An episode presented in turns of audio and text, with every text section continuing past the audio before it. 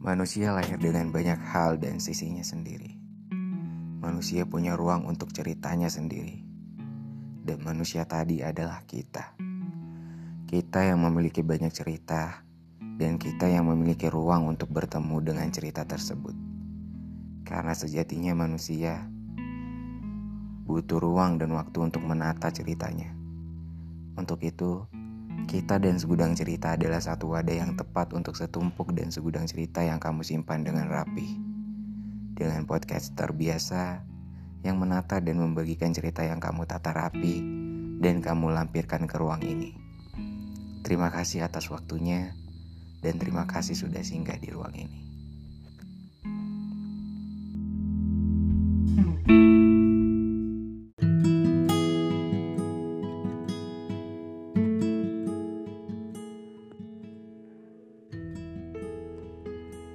14 September 2019 Malam ini aku bergegas untuk mempersiapkan apa saja yang harus aku bawa untuk orientasi mahasiswa baru di kampus esok hari. Namun, pikiran negatif menghantuiku sepanjang melakukan persiapan. Sebelum tidur, aku mengecek WhatsApp grup untuk memastikan apakah barang yang aku bawa sudah sesuai atau tidak. Aku juga mengeceknya 3 hingga 5 kali Bukannya aku tidak memperhatikan, tapi aku hanya ingin memastikan apakah barang itu benar-benar dibawa atau tidak. Setelah beberes, aku beranjak ke lantai bawah untuk makan malam. Sejujurnya, aku belum siap untuk mendapat pertanyaan seputar kuliah karena aku masih merasa ragu. Aku adalah orang yang kurang suka dipertanyakan secara spontan, karena aku mudah tertekan dengan situasi percakapan malam itu. Mama, gimana? Kamu udah siap buat hari pertama besok? Aku pun menjawab, begitulah. Alasan aku menjawab begitu adalah karena aku memang belum siap menghadapi dunia baru. Aku selalu yakin kalau aku tak bisa menjalankan proses ini dengan baik. Aku amat resah hingga mengalami insomnia saat itu. Satu malam penuh insomnia, ada seorang teman yang bertanya apakah aku sudah mempersiapkan barang yang dibawa untuk orientasi nanti. Dan aku pun menjawab sudah dengan dengan hati yang cukup berat karena pikiran-pikiran aneh itu. Percakapan malam itu tepat pukul 2 lewat 30 dini hari, temanku bertanya, Wah, lu kok belum tidur? Iya nih, gue kepikiran nih buat buat besok gimana orientasi. Tidur loh, besok kan ormik. Bangunin tapi. Setelah melakukan sedikit percakapan dengan temanku, aku berusaha untuk tidur walaupun sebentar. Jujur, aku sangat amat sulit karena aku masih merasa belum siap menghadapi dunia baru dan membuka lembaran diriku yang baru. Salah satu sebab lain adalah karena aku adalah orang yang sulit untuk berbaur dengan orang baru. Aku benci keadaan ini. Apakah keadaan ini akan berlanjut? Dan kurasa mungkin. Setelah itu, aku mencoba tidur walaupun hanya beberapa jam saja. Tak nyaman tidur semalaman karena pikiran, aku berharap pagi besok aku bisa menerima keadaan dengan baik. ...15 September 2019 Waktu menunjukkan pukul 4 subuh dan aku harus hadir di kampus pada pukul 6.30. Dengan mata yang mengantuk, aku segera mengambil botol minumku dan turun ke lantai bawah untuk mengambil seragam putih hitam untuk kupakai di orientasi nanti. Percakapan pagi itu, Mama, selamat pagi mahasiswa baru. Udah siap jalani kehidupan baru? Aku pun menjawab, iya gitu sih, antara siap dan gak siap. Mama, harus siap dong, kan waktunya buka lembaran baru. Aku pun menjawab, mungkin aku lagi banyak pikiran mah. Dengan segera aku menghabiskan roti bakarku yang kubuat sebagai sarapan pagiku. Aku benar-benar gugup saat itu. Pikiranku kosong, tanganku bergetar, dan bercucuran keringat. Dengan rasa ragu aku berusaha kuat untuk menikmati proses baru yang harus aku hadapi. Aku masuk ke dalam mobil, aku termenung, membayangkan apa yang akan terjadi di sana. Aku merasa bahwa aku telah berprasangka buruk pada awalnya.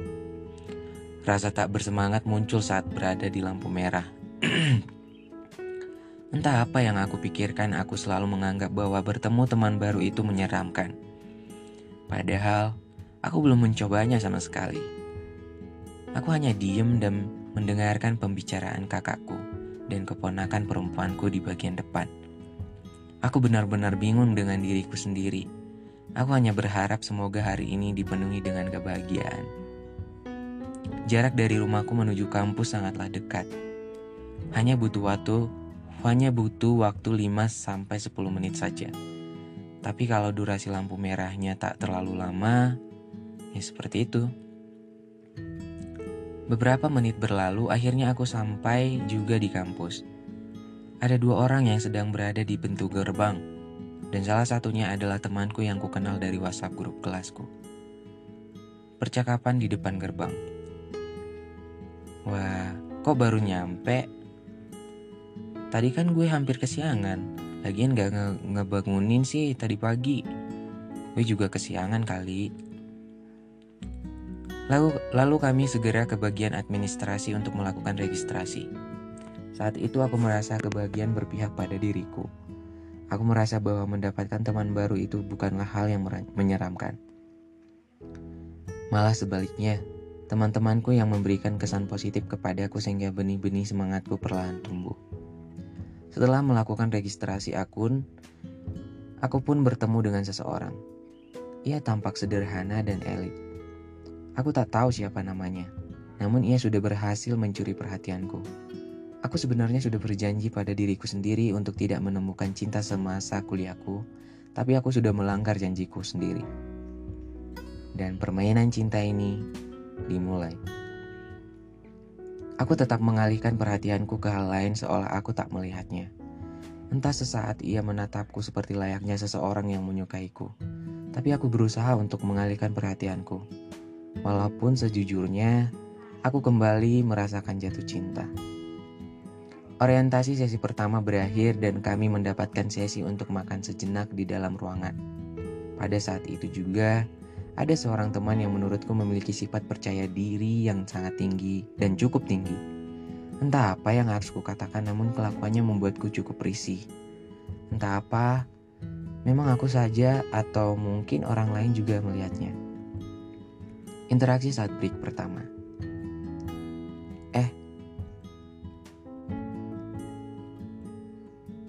Angga, tadi ada cewek liatin kamu. Dia suka tuh sama kamu.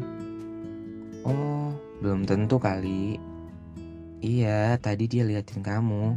Lama banget. Dengan perasaan yang cukup emosional, aku pun pergi meninggalkannya. Aku tak mau menunjukkan rasa emosionalku karena aku masih belum mau membuka hati untuk seseorang, walaupun seseorang sebenarnya aku cemburu. Melihat anak itu dengan rasa percaya diri yang sangat tinggi, merasa bahwa orang itu menatapku. Itu pun menatapnya dan jatuh cinta padanya. Sesi kedua dimulai. Aku kembali duduk bersama dengan anak itu. Aku cukup risih dengan keberadaannya karena ia selalu membahas seseorang yang pernah menatapku. Kurasa permainan ini akan terasa semakin sulit. Dia cukup cerdik untuk merebut hati hati seseorang yang diidamkan. Sesi kedua berdiakhiri dengan melakukan kerja bakti. Entah dia berada di mana, namun ia sempat sedikit melirik untuk kesekian kalinya. Aku benar-benar tak habis pikir ketika dia menatapku. Aku merasa berada dalam dunia fantasi yang entah apakah hal itu akan menjadi nyata. Semua rangkaian acara hari pertama akhirnya selesai. Aku memang cukup lelah dengan keadaan dan menjalani acara sejak pagi tadi. Aku memutuskan untuk mencari minuman. Saat itu juga aku bertemu dengan seseorang yang secara spontan mengajakku berkenalan. Sayangnya orang tersebut bukan orang yang menatapku tadi pagi. Sedikit kesal, namun aku tetap menerima perkenalan itu dengan tulus. Aku tak memiliki rasa sedikit pun dengan orang ini.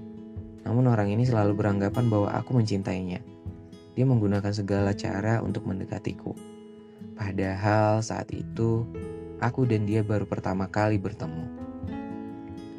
Setelah aku sampai di rumah, orang ini menyapa aku di WhatsApp personal chat. Lo tadi yang bareng sama ini kan?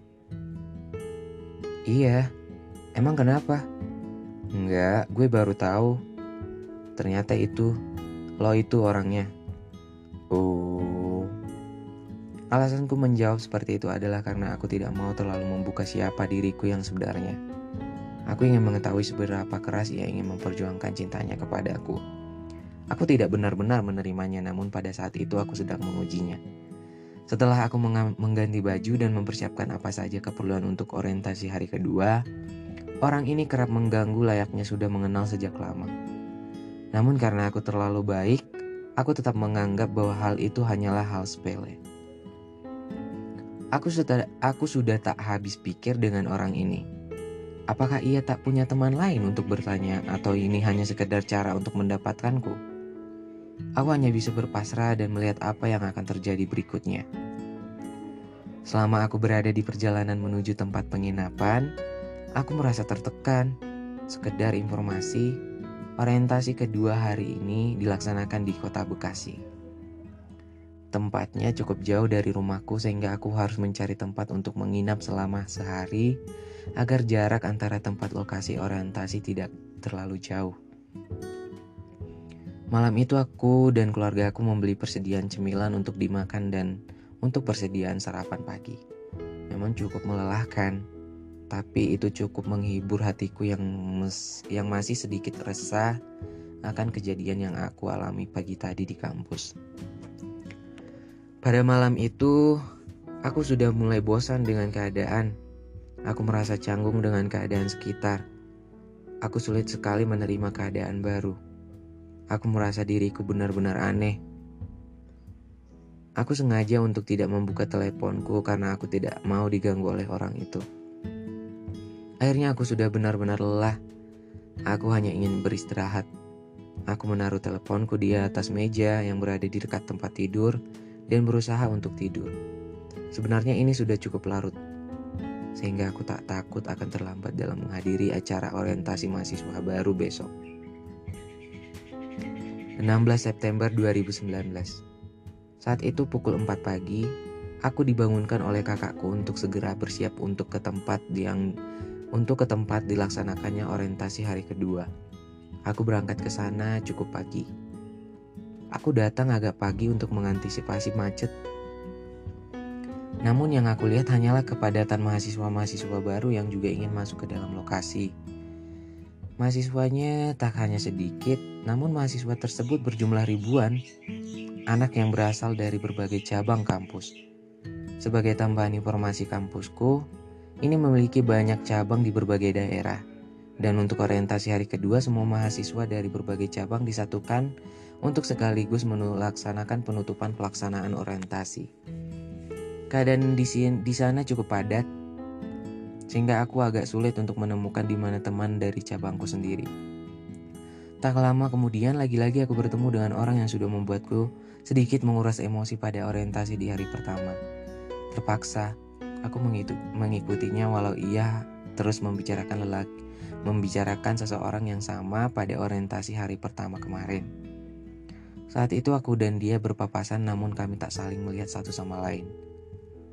Dan sejujurnya, aku cukup muak membicarakan hal ini karena pada saat itu aku sedang tak begitu tertarik dengan mengejar cinta. Salah satu alasan aku untuk tak mau mengejar cinta adalah aku baru saja putus dengan mantanku. Aku tak akan membahas mantanku lebih lanjut karena aku sudah cukup lelah dibuat patah hati olehnya. Itu yang membuatku sempat tak tertarik untuk mengejar cinta. Pada saat sesi kedua di orientasi hari kedua lagi-lagi, temanku ini mengajakku untuk mencari orang yang aku cintai itu. Namun setelah aku lihat, dia cukup memberanikan dirinya untuk menghampiri. Sayangnya dia terlihat seperti orang bodoh ketika bertemu dengannya. Anak ini sempat memaksaku untuk berbicara dengan seseorang tadi. Aku agak ragu karena aku memang tak bisa melakukan suatu hal secara spontan. Aku merasa diriku terlalu ambisius tapi memang ini jalanku, dan aku yakin ini yang terbaik. Saat temanku memaksaku untuk bicara dengannya, eh, Kamu, ini orangnya. Lu ngomong gih ke orangnya. Kan lo yang butuh, kenapa gue yang harus ngomong? Saat itu kami mengalami debat yang cukup panjang. Akhirnya, aku memutuskan untuk kembali ke tempat berkumpul sendirian. Aku nyaman tak ada anak itu di dekatku, karena sejujurnya telingaku sudah cukup muak mendengarkan topiknya yang hanya itu-itu saja. Apalagi ia sampai berhalusinasi memiliki orang itu. Aku memang sedikit egois karena cintaku sudah begitu dalamnya dengannya. Namun aku cukup cerdik untuk menyembunyikan perasaan yang ada pada diriku. Aku kehabisan kata-kata ketika dia menatapku untuk kesekian kalinya. Aku hanya takut seseorang yang menjadi temanku akan merebut hal yang bi yang bisa dibilang manusia langka. Aku tahu dia bukan orang yang sembarangan dalam menerima dan tahu mana cinta yang tulus dan mana cinta yang hanya ingin mencari status. Beberapa menit setelah acara orientasi ditutup, aku lagi-lagi bertemu dengan anak itu. Aku benar-benar muak dengan pembicaraannya. Aku tidak bereaksi apa pun. Aku hanya diam dan pura-pura mendengarkan. Saat itu, lagi-lagi aku dan dia tak sengaja berpapasan. Lagi-lagi aku mendapatkan tatapan khasnya yang selalu mencuri perhatianku. Mungkin temanku akan agak cemburu, tapi inilah kenyataannya. Akhirnya semua rangkaian orientasi selesai, semua acara berjalan dengan baik. Walaupun aku dan rekan-rekan mahasiswa lain harus menghadapi panasnya matahari yang sangat menyengat. Aku bahagia bisa berpartisipasi dalam acara seperti ini. Terima kasih banyak kepada pihak-pihak yang telah menyelenggarakan acara ini dengan kerja keras dan kerja tim yang baik. Sore itu, acara selesai. Aku lelah dengan acara-acara tadi. Waktunya untuk kembali ke rumah dan mempersiapkan bahan perkuliahan yang akan berlangsung lusa nanti. Dear you, hai, aku adalah pengagum rahasiamu. Kau benar-benar mencuri perhatianku saat pertama kali kau melihatku. Aku tak bisa berkata-kata saat itu. Kau berhasil mengambil serpian hati yang telah rapuh di masa lalu. Aku akan tunggu bagaimana ke depannya nanti.